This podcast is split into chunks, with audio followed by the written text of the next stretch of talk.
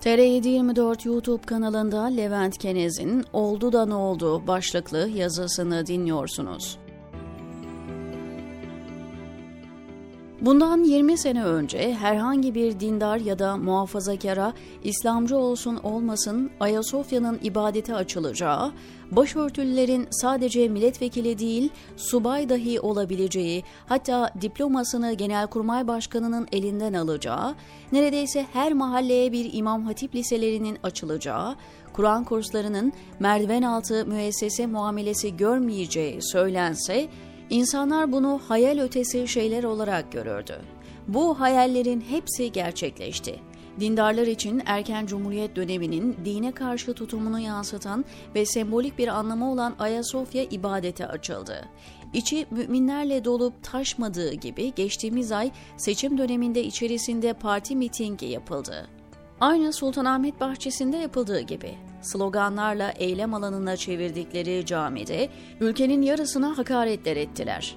Artık camilerin içinde devletlu geliyor diye polisler barikat kuruyor, ön saflar protokole ayrılıyor. Eline mikrofonu alan Allah peygamber dedikten sonra cemaat sıraya girip tek tek elini sıkıyor. Evet başörtüsü önündeki engeller kaldırıldı. Laik dönemde başı açık olmanın yerini başı kapalı olmak aldı. Kadınların kapalı olması artık devlet kurumlarında bir avantaj haline geldi. Yükselmek için eşlerinin başını kapatmaya çalışan bürokratlar peydah oldu.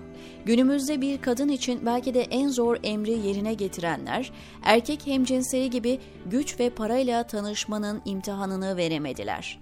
Başörtülü olmanın eskiden toplumdaki saygın imajı ve ahlaki üstünlüğü kayboldu. Bu sebeptendir ki her gün gerçekten samimi bir Müslümanın bu rejimden ayrışmak için başını açtığına şahit oluyoruz. Yani dürüst başörtülülerin mağduriyeti devam ediyor mantar gibi çoğalan imam hatiplerde namaz kılan öğrenci sayısı ağlanacak sayılarda.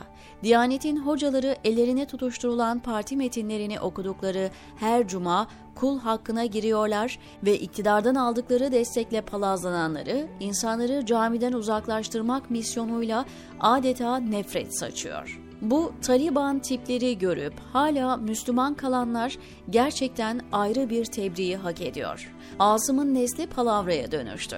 Nargile kafelerdeki serserilerden, televizyondaki propaganda dizilerinden dünyaya meydan okuyan lümpenlere, aldığı oksijen ülkeye zarar ne kadar maganda takımı varsa iktidar destekçisi.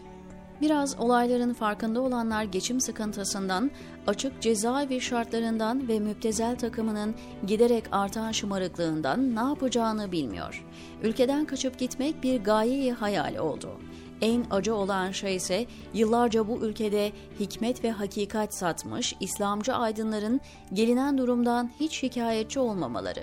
Kimisi belediyelerin etkinliklerinde zarf peşinde, kimisi çoktan köşeyi dönmüş, çocuklarını, damatlarını iyi işlere sokanlar sessiz. İçi ağlayan biri varsa bile herhalde gizlice ağlıyor çünkü kimsenin haberi yok. Daha önce DGM'lerin müdavimi olan ve hapse girmeyi medreseyi Yusufiye bilen mücahitler şimdi ya müteahhit olmuş ya da onların sponsorlarına dilbeste. Halkı geçtim. Onların bahsi ayrı bir yazı konusu. Mahallenin eski saygın fikir adamı ve gazetecileri sonradan görme oldukça da köylü hanedan ailesinin her bir ferdine yalakalık sırasında. Eskiden Ankara'da miyav mesafesinde seçimleri kazandık ama davayı kaybettik diyen çıkardı artık onlar da pes etti. Liste uzar, meram anlaşılmıştır herhalde.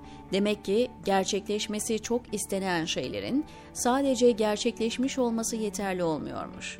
Zahirde başarı olarak görünen şeylerin faturası keşke gerçekleşmeseydi dedirtecek kadar ağır. Siyasi olarak bir şeyler başarmanın, eski rejimden intikam almanın ötesinde çok da anlamlı bir tarafı olmadığı ortaya çıktı.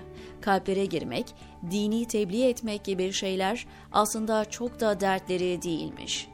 İslamcıların yaptıkları da eleştirdikleri Kemalistlerin tavandan tabana siyasi mühendislikleri gibi geri tepiyor. Acı olan en büyük musibet imana gelendir nevinden, dinin artık ülkede bir cazibesinin kalmamış olmasıdır. Camiler artık herkesin kendine ait hissettiği yerler değil. Cumadan cumaya en azından bir ayağım orada olsun diyenler bile artık gitmiyor. İmam Hatip mezunu olmanın verdiği güven duygusu da artık yok. Tarikatler ve cemaatler önceki dönemden çok daha fazla insanların korktukları yerler haline geldi. Bakmayın birkaçının debdebeli törenlerine, sosyal medyadaki abartılı hallerine. Belki buraya kadar yazılanlar Necip Fazıl'ın tek parti dönemi için yazdığı hohlaya hohlaya buzdağını erittik. Şimdi ortalık bataklığa döndü ifadesiyle özetlenebilir derken gözüm bir habere ilişti. Bataklığın mimarı pazar günü Necip Fazıl'ı anma töreninde konuşuyordu, diyor Levent Kenez TR724'deki köşesinde.